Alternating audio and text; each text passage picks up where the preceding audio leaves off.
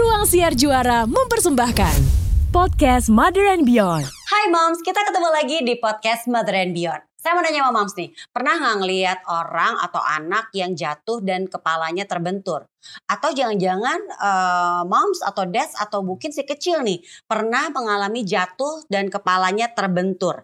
Nah kalau ngeliat kepala terbentur, apalagi benturannya keras banget, kita mau pastinya tuh langsung was-was, langsung cemas, langsung takut. Karena takutnya bisa jadi dari jatuh terus kepala terbentur itu menyebabkan cedera kepala atau yang lebih parah lagi nih kita takutnya mengalami yang namanya gegar otak. Duh serem ya moms ya. Nah ngomongin soal gegar otak ini sebenarnya seberapa keras sih benturan yang bisa menyebabkan terjadinya gegar otak dan bener gak sih kalau gegar otak ini lebih berbahaya kalau dialami oleh anak-anak.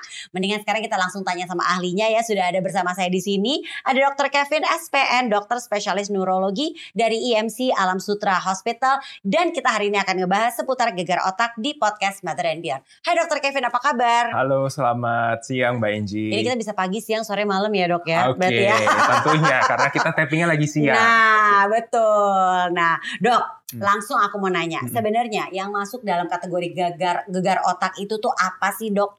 Jadi gegar otak itu timbul ya hmm. karena biasanya ada satu mekanisme cedera ya, hmm. ya, entah itu jatuh uh, ke bawah atau menabrak ke depan oh, iya atau iya ter terpuntir, Mbak.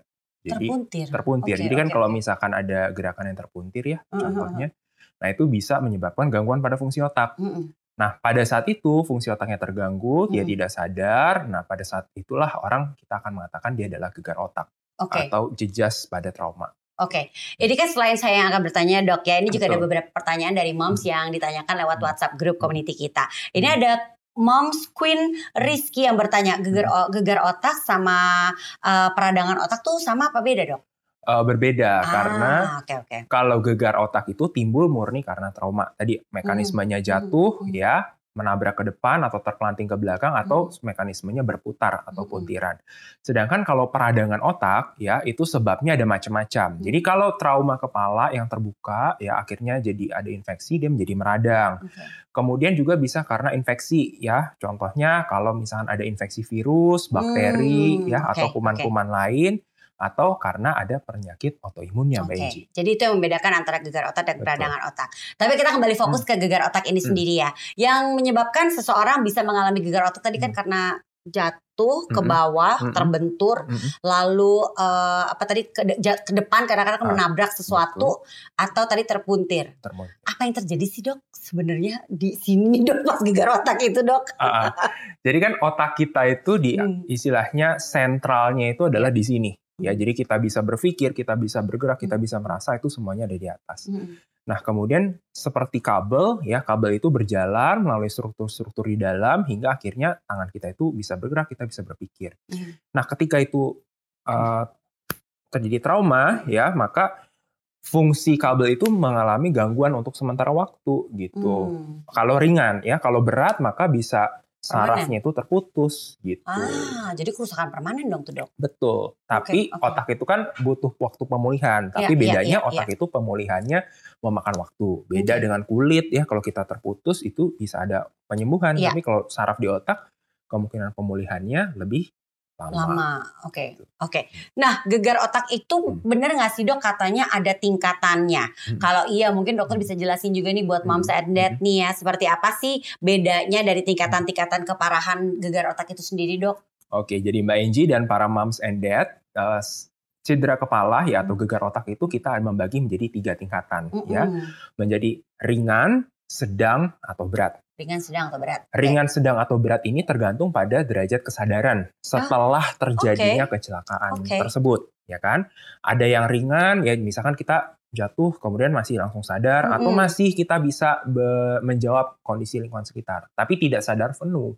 Okay. Kalau derajat sedang itu sudah mulai mengantuk ya, sudah butuh usaha lebih dalam untuk membangunkan dan yang paling berat ya itu tentunya adalah uh, kalau tidak sadar atau koma. Mm -mm, mm -mm. Tapi selain dari kesadaran ada faktor yang lain ya. Mm. Berapa lama amnesianya? Ini kalau pada remaja ah. atau dewasa ya, amnesia pasca traumanya itu berapa lama durasinya? Okay. Jadi bisa aja awalnya kesadarannya bagus, mm -hmm. tapi amnesianya itu kok oh, berhari-hari. Okay. Maka kita tidak mengatakan itu lagi ringan, tapi derajatnya bisa jadi sedang, sedang. atau berat. Iya, iya, iya, iya.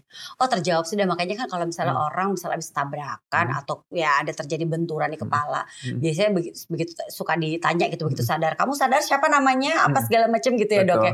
Oh itu salah untuk mengukur tingkat uh, ringan, sedang atau beratnya ya dok ya. Betul. Yang kita tanyakan okay. adalah kamu masih ingat nggak mekanisme iya, iya, kejadiannya? Iya iya iya iya. Nah. iya. Sama suka ditanya nama, ya betul. ya kan, betul betul. Hmm. Hati-hati jangan sampai mau ditanya nomor rekening sama nomor pinnya. Betul. ya, itu tuh ya, jangan sampai itu ya. Oke, nah yeah. Ya. uh, gejala gegar otak yang hmm. perlu kita waspadai apa nih dok? Karena kan hmm. katanya gejalanya tuh ada hmm. yang langsung muncul, hmm. ada yang nggak langsung muncul gitu ya. Setelah insiden tuh beberapa saat baru terjadi. Kayak makanya tadi kan dokter juga bilang hmm. ada yang amnesianya awal-awal aman gitu, hmm. tapi ternyata hmm. mengalami uh, amnesia hmm. gitu kan. Nah, hmm. ini kalau dari uh, gejala yang harus kita waspadai apa nih, Dok? Oke, jadi kalau di sini kan segmennya moms and dad ya, mm-hmm. kemungkinan ada anak ya di rumah yes, yes. dari lingkungan baby hingga remaja. Betul. Saya bicara dulu dari baby, mm-hmm. ya kan? Kalau baby dia tidak bisa mengatakan kan, iya. kan, saya sakit. Diam aja, nangis ya kan? aja pasti. Tapi kita bisa curiga. Jadi hmm. kalau lokasi benturannya atau memarnya itu bukan di daerah dahi, Mbak Anji. Tapi di lokasinya ada di bagian pelipis, ya, di bagian oh. puncak kepala atau di bagian belakang. Jadi kalau moms and dad ada anaknya di rumah, ya ada cedera bukan di bagian dahi, ya, maka itu curiga dulu. Satu, okay. ini ini okay, okay. mekanisme kejadiannya bukan yang ringan. Hmm. Kedua, kalau setelah kejadian itu ada muntah. Nah, iya iya iya iya. Ada ya. muntah ya. Jadi kalau sudah ada muntah itu bukan dianggap oh masuk angin, tapi itu adalah mekanisme hmm. karena pusat muntah di otaknya terganggu. Hmm. Kemudian yang ketiga kalau ada kejang. Jadi hmm. setelah trauma ada kejang, maka itu curiga juga ini adalah suatu kondisi yang berat. Hmm. Yang keempat, kalau dari mekanisme kejadiannya kita anggap ini sesuatu yang berat. Hmm. Apa sih yang dimaksud berat? Ya, jadi kalau tadi tabrakan ada terplanting ke depan. Kedua, hmm uh, seseorang ini ditabrak karena ada pengendara motor lain yang sedang hmm. berjalan dia ditabrak atau pedestrian accident ya hmm. itu juga kita perlu waspada. Ketiga kalau mekanismenya jatuh ya hmm. lebih dari satu meter maka itu juga perlu hati-hati. Hmm. Dan yang keempat adalah kalau ada gangguan pada neurologisnya, hmm. artinya mulutnya mencong, bicaranya pelo, ah, ya terus okay, kok okay, baby okay. saya setengah badan kok kurang gerak ya. Oke okay, gitu. oke. Okay. Oh itu berpengaruh juga di badan ya dok ya? Betul. ya. Oke oke itu hmm. harus jadi tanda-tanda perhatian yang ya yang harus lebih diperhatikan di saat memang muncul gejala-gejala tersebut pada hmm. anak abis anak jatuh atau Betul. terjadi benturan. Akhirnya jadi paham ya. Justru di saat hmm. kan sering banget kalau anak kecil jatuh hmm. benjol di depan tuh ya dok ya. Betul. Nah itu mungkin masih nggak bukan kita nggak bilang apa-apa ya dok hmm. sampai benjol tapi hmm. yang harus diwaspadai hmm. di saat di tempat area-area yang tertutup ya dok ya yang ketutup rambut gitu kan ya dok betul hmm. semakin muda ya jadi kalau bayi-bayi yang muda hmm. itu kan tulang-tulangnya masih iya. lunak iya. mbak Eji ya jadi kalau kita yang sudah dewasa itu tulang itu sebagai proteksi dari kita hmm. supaya otak kita tidak uh, rusak ya, ya karena otak kita itu kan sangat lunak. Hmm. Nah kalau baby-baby yang muda ya itu kita perlu waspada sekali, waspada. Okay. Mungkin dulu sering mendengar ya ada baby jatuh dari ayunan yang dianggap biasa, iya. loh kok akhirnya sebulan dua bulan dia mengalami kejang. Mm. Nah itulah sumbernya karena tidak terdeteksi mm. dari awal dianggap ini adalah mekanisme yang biasa-biasa okay. saja. Oke. Okay. Hmm. Nah benar nggak sih dok hmm. katanya gegar otak itu hmm. lebih bahaya kalau dialami sama anak-anak nih ya. Hmm. Emang sebenarnya apa sih ada perbedaan nih dampak yang ditimbulkan di saat terjadi benturan sampai gegar otak yang terjadi pada orang dewasa maupun anak-anak dok? Jadi uh, dampak dari gegar otak itu hmm. baik pada anak-anak sama dewasa sama-sama perlu menjadi kewaspadaan. Ya, hmm. jadi tidak ada yang biasa-biasa saja sebelum okay. dikonfirmasi oleh para ahlinya. Ya, ya, ya. Tapi memang kalau anak-anak itu ya atau bayi itu tadi saya katakan tulangnya masih lunak, hmm. ya satu tulangnya dia lunak sehingga uh, jejas benturan energinya itu langsung hmm. ditransfer ke otak. Mm. Karena kan otak itu masih berkembang Mbak Inji pada iya, anak-anak. Yeah, yeah, yeah, Jadi yeah. kerusakan yang kecil itu akan terbawa jadi besar hmm. karena terbawa sampai dewasa. Hmm. Tapi yang kedua ya biasanya ini adalah tidak mau lapor, tidak hmm. mau diceritakan atau mungkin hmm. kalau ini tidak mau tahu orang tuanya anak hmm. saya kenapa sih hmm. gitu. Nah itu yang bagi moms and dad perlu waspada kalau okay. pada anak-anak. Oke. Okay. Nah Apakah gegar otak bisa menyebabkan komplikasi? Sangat. Wah, apa aja nih dok? Sangat komplikasi. Jadi hmm. moms and dad perlu mengetahui ya. Jadi barangkali mengenal ya. Kok dia setelah kecelakaan berubah ya perilakunya? Oke, okay, oke. Okay. kok anak saya ini kalau uh, tadinya pendiam, kok sekarang menjadi rewel? Ah. Kok di sekolah saya kurang fokus? Memusatkan oh, perhatian. Okay, okay, okay. Kok kemampuan untuk mengontrol emosinya itu berubah. Hmm. Itu namanya adalah post concussion syndrome, hmm. moms and dad ya. Hmm. Jadi Mbak Enji itu adalah post concussion syndrome. Okay. Jadi adalah gejala-gejala klinis yang timbul setelah cedera kepala. Okay. Tapi jangan menganggap ini kejadiannya hanya terjadi kalau kecelakaan saja kalau pada hmm. anak-anak hmm. hmm. ya. Jadi ada beberapa olahraga tertentu yang berisiko Bisa. meningkatkan risiko ah, cedera kepala. Seperti apa nih dok? Ini penting nih buat iya kan? dijelasin ya, nih dok. Satu tinju, udah pasti oh, kan? Iya Kalau tinju betul, itu sudah jelas. Betul. Dua adalah olahraga-olahraga tertentu yang memang berkaitan dengan benturan kepala. Mm -hmm. Contohnya adalah sepak bola.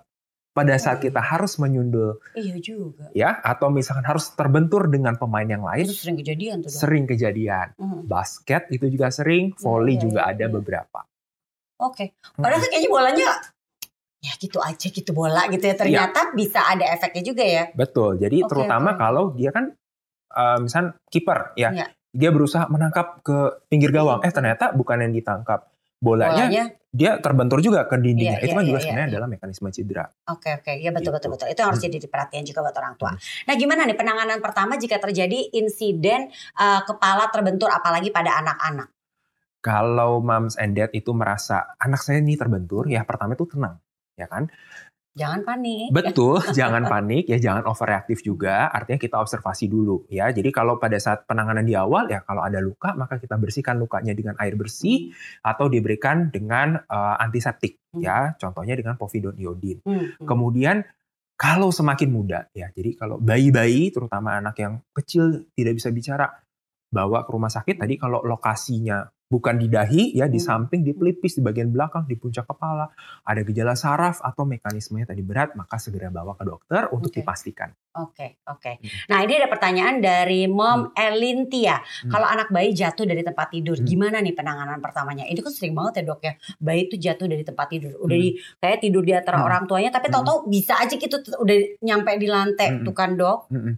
Betul. Jadi kalau pertama pasti kita bicara mengenai pencegahan. Hmm. Jadi kalau tempat tidur itu kalau bayi-bayi maka diberikan teralis ya supaya menjamin kita tidak jatuh. Hmm. Kedua, kalau sudah terjatuh gimana nih Mbak Inci hmm. gitu ya?